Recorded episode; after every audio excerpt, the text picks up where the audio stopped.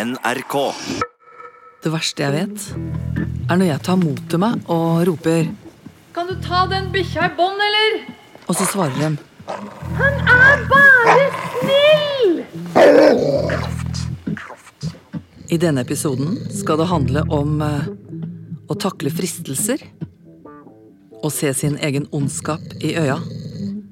De tingene som vi helst vil dekke over. Him, ting.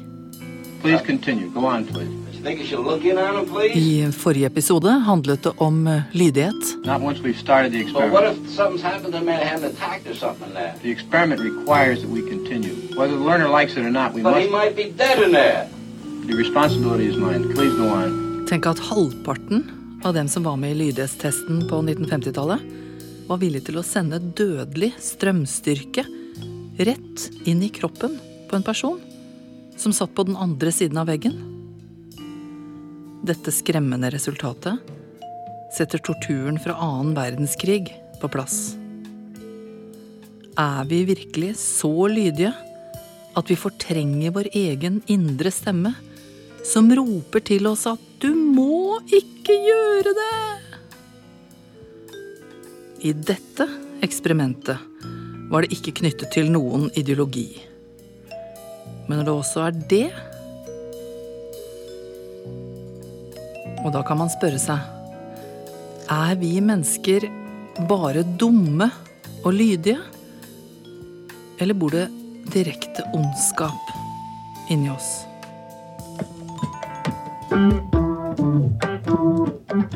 Jeg heter Kirsti Kraft. Dette er psykologiens historie. Sånn jeg ser det.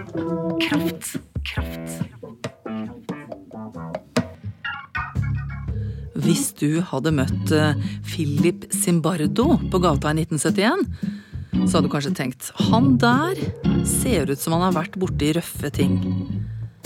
Noen ganger skal man se det på mennesker, og Zimbardo er en sånn type. Du kunne i farten godt uh, forveksle han med en italiensk mafiaboss. Og det med Italia er ikke så gærent. Han vokste opp i New York, men var fra en immigrantfamilie fra Sicilia. Og Zimbardo står ikke langt unna når det er slåssing i gata. På 50- og 60-tallet. I was surrounded by evil, as all kids are who grow up in a, in a city. Det er stadig løse tenner og blåveiser blant de etniske gruppene i strøket. And I had friends who were really good kids. That is, they took drugs, got in trouble, went to jail, some got killed.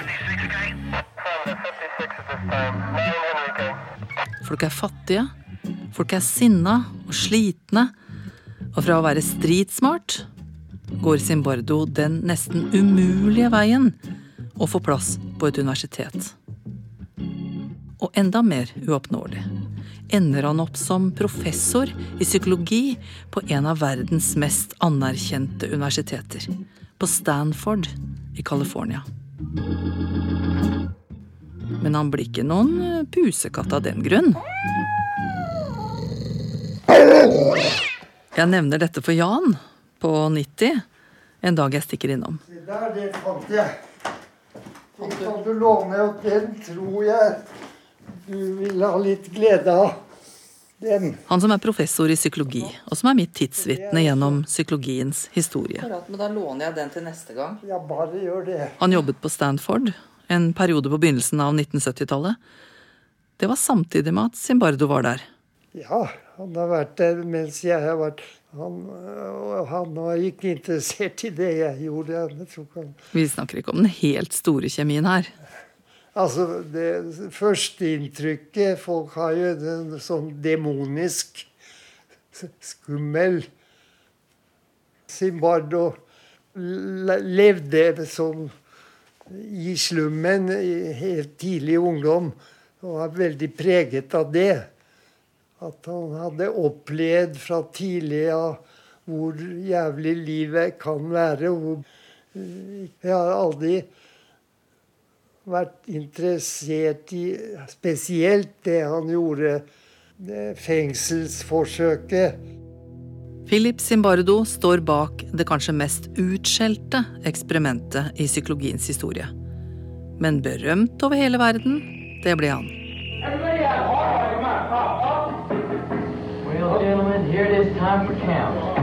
En gjeng på 24 unge studenter som bor i nærheten av Stanford-universitetet, blir plukket ut til å være med i eksperimentet. Det vil si, først er det 70 personer som blir testet. Okay, question one. Have you ever talked to a psychiatrist or a psychologist about an emotional problem? Uh, no. Have you ever felt you needed help with an emotional problem? Uh. No. Og de som består testen, blir nå de 24 utvalgte unge forsøkskaninene. De må være følelsesmessig stabile, modne og intelligente. Simbardo og hans eh, forskerstab ser på alle navnene på lista. Deler dem tilfeldig i to grupper og sier denne gruppa skal være fengselsbetjenter, og den andre gruppa skal være fanger. Now, you'll all be given sunglasses and uniforms to give the prisoners a sense of a unified, singular authority. Alle de som skal være fangevoktere, får utdelt vokteruniformer. Og mørke solbriller. Dette er fra en filmatisering av eksperimentet. Once prisoner is jailed, he will not be able to leave except under established procedures. Alle fangene får nummer på brystet. Ingen skal bli tiltalt ved navn. Bare nummer. And from this point forward, you should never refer to this as a study or an experiment again. Poenget er å prøve å gjenskape et så naturlig fengselsmiljø som mulig. Alt foregår nede i kjelleren på universitetet. Og det man skal undersøke, er hva som skjer når noen får makt over andre. 612 against the wall. Og første dagen blir fangene låst inn i cellene, og alt går etter planen. Alle går lydig inn i rollene sine som fanger og fangevoktere. Against the wall, 8612. Somebody help him. Men så begynner det å bli trøbbel. Allerede andre dagen er det noen av fangene som forsøker å gjøre opprør.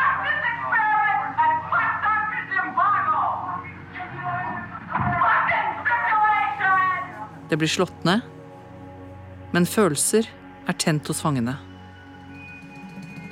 Fangevokterne strammer grepet, og det blir virkelig bråk.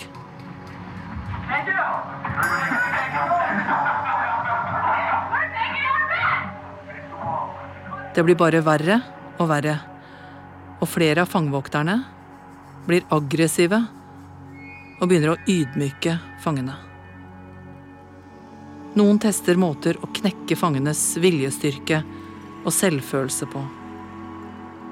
Det gjelder ikke alle fangevokterne, men flere går langt over streken.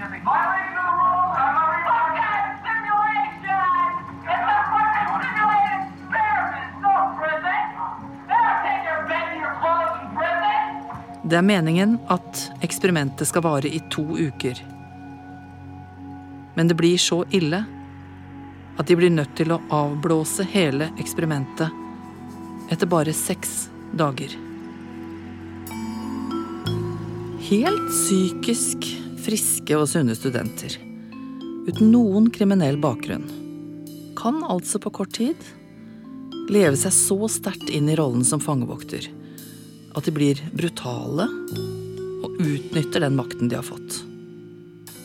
Og det er rart å tenke på at bare for en uke siden så hadde disse vært medstudenter.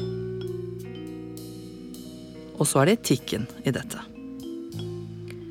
Hva har Zimbardo nå utsatt disse studentene for? Både de som har vært fanger, og de som har vært fangevoktere.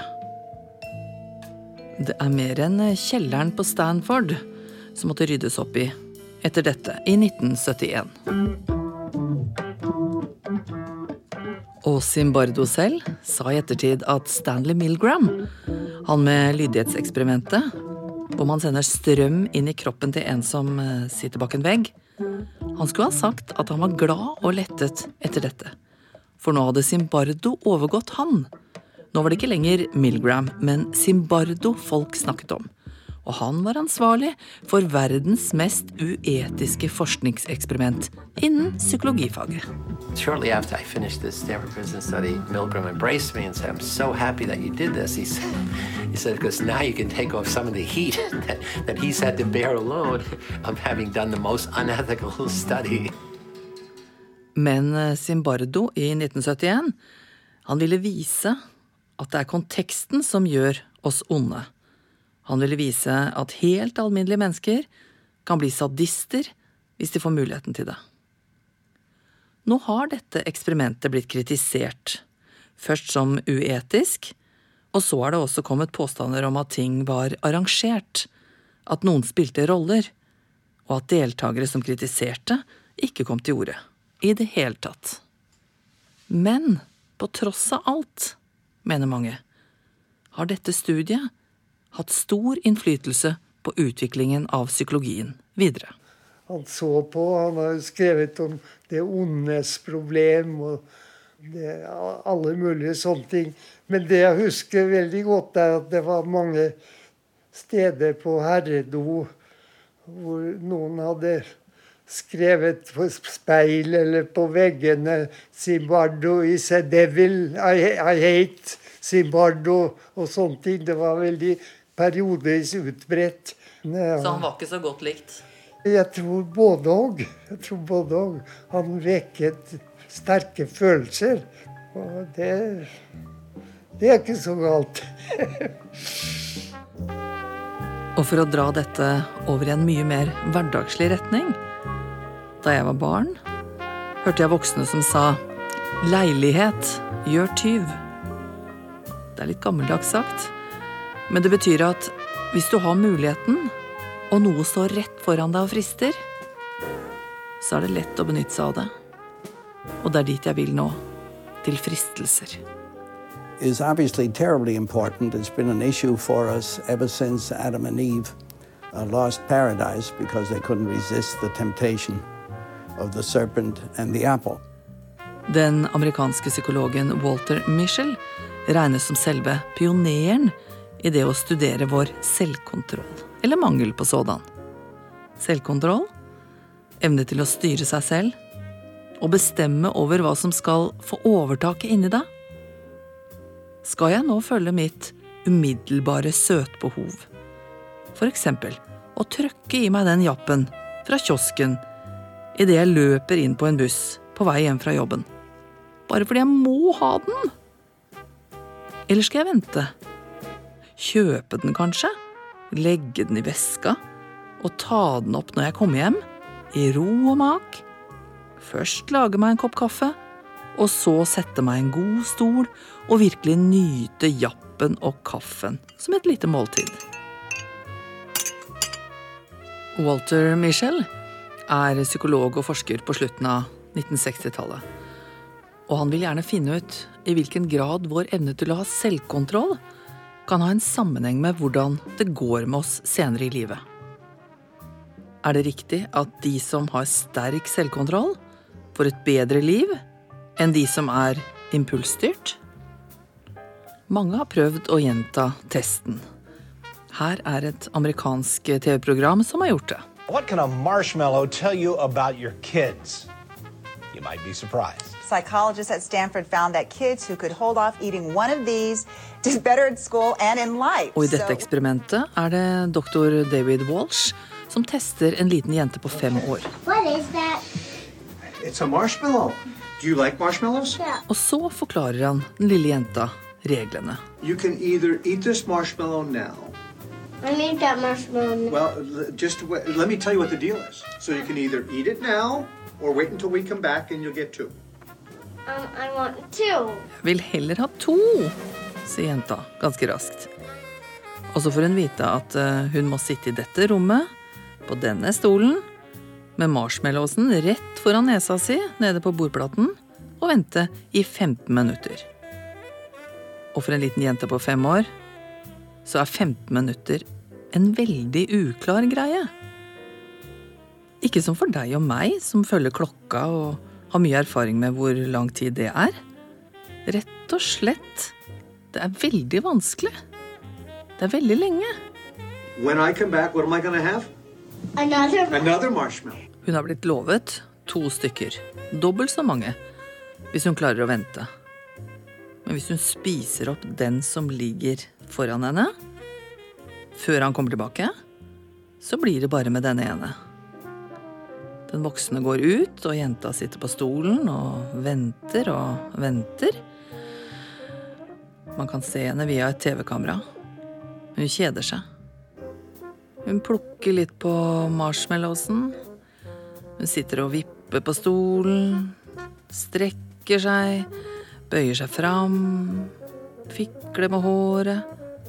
Og til slutt er tiden gått.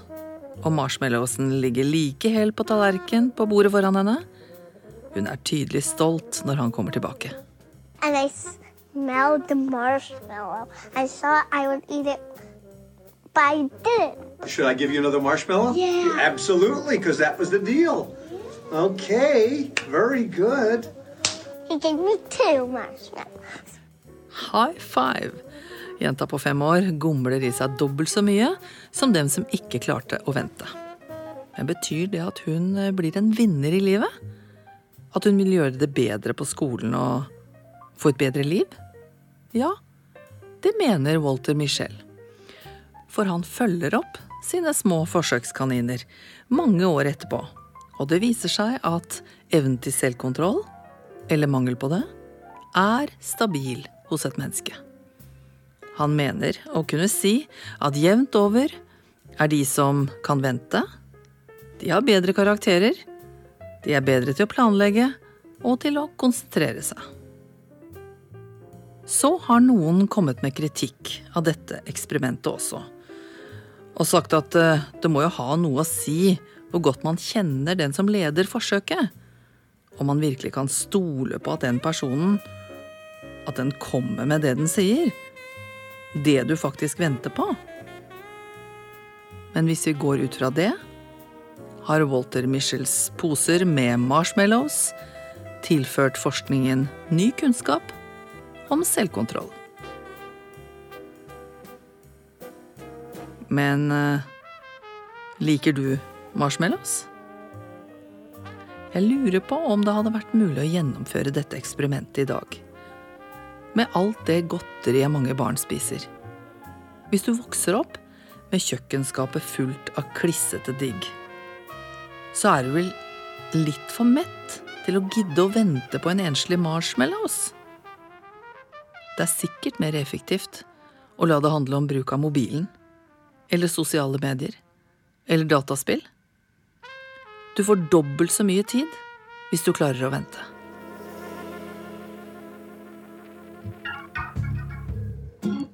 Hvor flink er du til å utsette behov? Du kan jo teste deg selv om du har selvkontroll. Du kan kjøpe en haug med godteri. Sprette opp posene og legge det fristende i boller rett foran deg mens du ser på en film en kveld. Og så kan du gi deg selv en premie hvis du klarer å ikke røre det. Eller du kan lage én regel. Du kan få lov til å ta hånda nede i skipsbollen tre ganger, men da er det stopp. Det er ikke enkelt. Men klarer du det, så er premien at du garantert ikke skal ha gått opp i vekt når helgen er over. Marshmallows-testen ligger sånn sett til grunn for all verdens slankekurer. Du må utsette behov, lyster, ønsker for å oppnå noe bedre om en god stund. Sommerkroppen. Sommerkroppen. Sommerkroppen. Sommerkropp. Sommerkropp. Sommerkropp.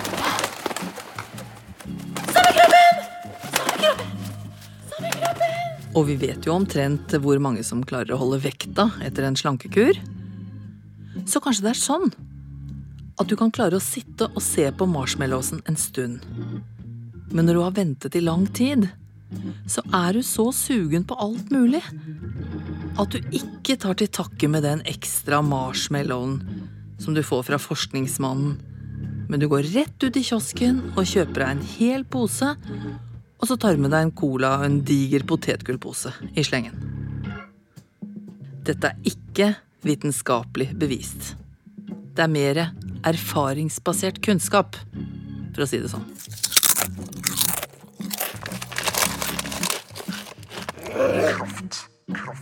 Og nå snakker vi jo bare om uh, godteri. Hva hvis vi da kobler inn uh, sexlivet? Vil du være i stand til å utsette dine seksuelle behov? Hvis du var overbevist om at du ville komme til å oppleve sexen enda bedre om noen måneder? For jeg tror at det, et forhold blir tryggere hvis begge to ikke har ligget med noen før de før de gifter seg. Denne unge gutten fra 1990-tallet tror at sex blir enda bedre hvis han venter til bryllupsdagen. Det er litt av en marshmallows-test. Jeg syns det er eh, Jeg det er fint å kunne vente. Prøve å holde ut så lenge som mulig, liksom. Det er ikke lett å ligge i armkroken og kjenne det i hele kroppen. Og prøve å utsette fordi noen har fortalt deg at det er riktig eller at det føles bedre hvis du venter. Man kan jo mene hva man vil om sannheten i dette, men hadde du vært i stand til det? Hvis du fikk det klart for deg at det var det beste? Nei. Nei. Nei, er du gæren? Nei. Nei. Nei, nei, nei. nei.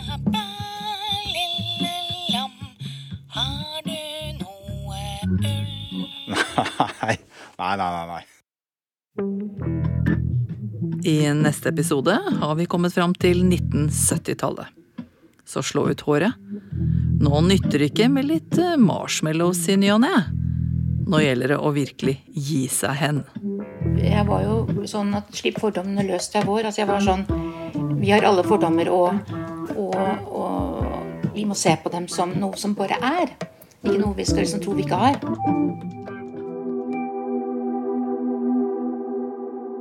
Jeg var rimelig åpen. Og, og, det er vakkert. Du ser gjennom vinduene. Bare, du ser bare natur, fjell. Eh, hører trommer, havet. Lukter massasjeolje der nede fra hottubsen. Altså, det er sånn Ja. Vi skal til New Age-bevegelsens fødested. Du kan jo prøve å kontrollere verden, men da går det jo rundt og prøver å kontrollere som et uvær. Så det er å være litt modig og stoppe opp litt og være litt tenker, Jeg tenker livet er, er, handler om å leve, da. Og det er å være modig, da. Det er å la seg overraske. Og påvirke. Og la seg såre. Absolutt. Ja, la seg såre jeg, jeg, vet ikke om Hva mener du med 'la seg såre'? Nei, Jeg mener hvis man ikke vet hva som skjer, ja. Så får man seg jo midt på trynet av til. Du får ikke forberedt seg. Nei, men det skjer jo den andre veien òg. Altså, du, kan ha forberedt deg som barn, men du får deg på trynet.